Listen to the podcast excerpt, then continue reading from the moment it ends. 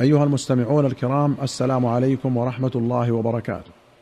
في كتاب الأطعمة أخرج البخاري ومسلم رحمهما الله عن زهد من الجرمي قال كنا عند أبي موسى فقدم طعامه وقدم في طعامه لحم دجاج وفي القوم رجل من بني تيم الله أحمر كأنه مولى فلم يدنو فقال له أبو موسى ادنو فإني رأيت رسول الله صلى الله عليه وسلم يأكل منه.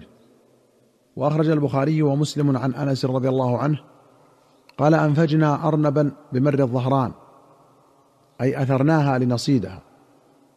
فسعى القوم فلغبوا فسعيت حتى أدركتها.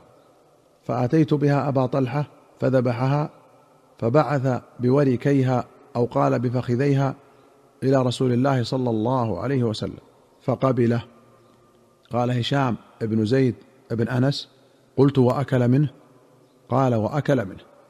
مر الظهران موضع قرب مكة وقوله لغبوا أي تعبوا وزنا ومعنى. قال ابن حجر وفي الحديث جواز استثارة الصيد والعدو في طلبه وفيه إهداء الشيء اليسير لكبير القدر إذا علم من حاله الرضا بذلك. وفيه أن ولي الصبي يتصرف فيما يملكه الصبي بالمصلحة.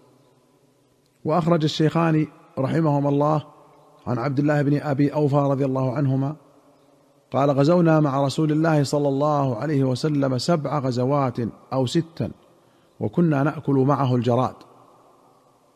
وأخرج أحمد وابن ماجه والترمذي والنسائي وابن حبان والطبراني في الكبير والحاكم والبيهقي في الشعب والبغوي رحمهم الله بسند حسن عن المقدام بن معدي كرب قال سمعت رسول الله صلى الله عليه وسلم يقول ما ملأ ابن آدم وعاء شرا من بطن.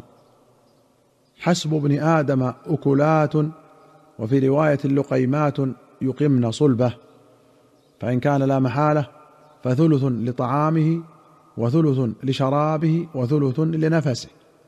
قوله أكلات بضمتين جمع أكلة كلقمة لفظا ومعنى. وأخرج البخاري ومسلم رحمهما الله عن أبي هريرة رضي الله عنه أن رسول الله صلى الله عليه وسلم قال المسلم يأكل في معي واحد والكافر يأكل في سبعة أمعاء. وللبخاري أن رجلا كان يأكل كثيرا فأسلم فكان يأكل اكلا قليلا فذكر ذلك لرسول الله صلى الله عليه وسلم فقال إن المؤمن يأكل في معا واحد وإن الكافر يأكل في سبعة أمعاء. المعى والمعي واحد الأمعاء. وأخرج البخاري ومسلم عن نافع قال كان ابن عمر لا يأكل حتى يؤتى بمسكين يأكل معه. فأدخلت إليه رجلا يأكل معه فأكل كثيرا. فقال يا نافع لا تدخل هذا علي. سمعت رسول الله صلى الله عليه وسلم يقول المسلم يأكل في معي واحد. والكافر أو المنافق يأكل في سبعة أمعاء.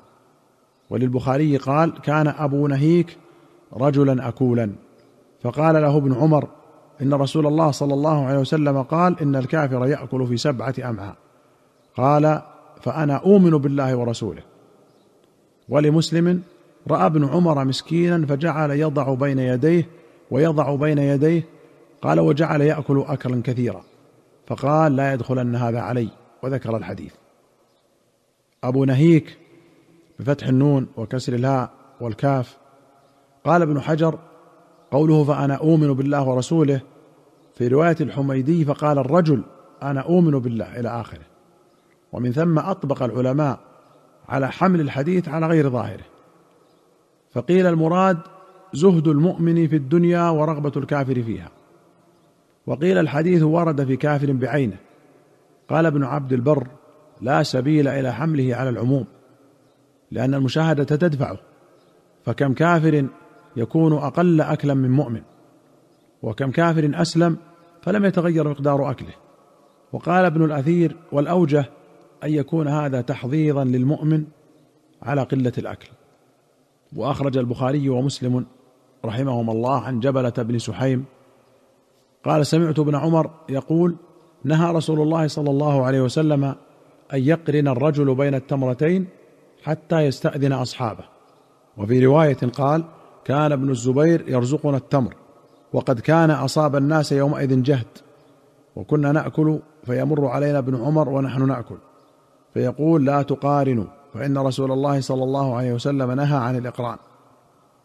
إلا أن يستأذن الرجل أخاه. قال شعبة لا أرى هذه الكلمة إلا من كلمة ابن عمر يعني الاستئذان. قوله يرزقنا التمر أي يعطيناه لما كان خليفة. والإقران هكذا في أصول مسلم. والمعروف في اللغة القران. يقال قارن بينهما يقرن ويقرن أي جمع بينهما. ورواية البخاري لا تقرنوا قال النووي واختلفوا هل النهي للتحريم أو للكراهة. فنقل القاضي عياض عن أهل الظاهر أنه للتحريم. وعن غيرهم أنه للكراهة والصواب التفصيل فإن كان الطعام مشتركا بينهم فالقرآن حرام إلا برضاهم وإن كان الطعام لغيرهم أو لأحدهم اشترط رضاه وحده ويستحب أن يستأذن الآكلين معه ولا يجب وإن كان الطعام لنفسه وقد ضيفهم به فلا يحرم عليه القرآن ثم إن كان في الطعام قلة فحسن الا يقرن لتساويهم. وإن كان كثيرا فلا بأس بقرانه لكن الأدب مطلقا التأدب في الأكل وترك الشره إلا أن يكون مستعجلا ويرد الإسراع لشغل آخر كما سبق في حديث أنس. وأخرج مسلم عن عائشة رضي الله عنها قالت قال رسول الله صلى الله عليه وسلم لا يجوع أهل بيت عندهم التمر. وفي رواية بيت لا تمر فيه جياع أهله. أو جاع أهله. قالها مرتين أو ثلاثا قال النووي فيه فضيلة التمر وجواز الادخار للعيال والحث عليه. وأخرج مسلم عن عبد الله بن مسر قال نزل رسول الله صلى الله عليه وسلم على أبي فقربنا إليه طعاما وطبة فأكل منها ثم أتي بتمر فكان يأكله ويلقي النوى بين أصبعيه. ويجمع السبابة والوسطى ثم أتي بشراب فشربه ثم ناوله الذي عن يمينه. فقال أبي واخذ بلجام دابته ادعوا الله لنا. فقال اللهم بارك لهم فيما رزقتهم واغفر لهم وارحمهم. قوله طعام وطبة الوطبة الحيس. يجمع بين التمر البرني منزوع النواه والأقط المدقوق والسمن الجيد. وأخرج مسلم عن جابر أن النبي صلى الله عليه وسلم سأل أهله الإدام فقالوا ما عندنا إلا الخل. فدعا به فجعل يأكل به ويقول نعم الإدام الخل نعم الإدام الخل. وفي رواية قال جابر أخذ رسول الله صلى الله عليه وسلم بيدي ذات يوم إلى منزله فأخرج إليه فلق من خبز فقال ما من أدم؟ فقالوا لا إلا شيء من خل. قال فإن الخل نعم الأدم. قال جابر فما زلت أحب الخل منذ سمعتها من نبي الله صلى الله عليه وسلم. قال طلحة بن نافع وما زلت أحب الخل منذ سمعتها من جابر. وفي أخرى قال كنت جالسا في داري فمر بي رسول الله صلى الله عليه وسلم فأشار إلي فقمت إليه فأخذ بيدي فانطلقنا حتى أتى بعض حجر نسائه فدخل ثم أذن لي فدخلت الحجاب عليها. فقال هل من غداء؟ قالوا نعم. فأتي بثلاثة أقرصة من شعير فوضعنا على نبي. فأخذ رسول الله صلى الله عليه وسلم قرصا فوضعه بين يديه وأخذ قرصا آخر فوضعه بين يديه. ثم أخذ الثالث فكسره باثنين فجعل نصفه بين يديه ونصفه بين يدي. ثم قال هل من إدام؟ قالوا لا إلا شيء من خل. قال فهاتوه فنعم الإدام هو. الإدام بالكسر والأدم بضم أوله وسكون ثانية ما يؤتدم به مع الخبز أي شيء كان. وجمع الإدام أدم ككتاب وكتب وجمع الأدم آدام كقفل وأقفال.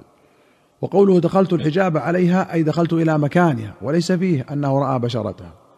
وقوله وضعنا على نبي مشددا غير مهموز قال النووي هكذا هو في أكثر الأصول.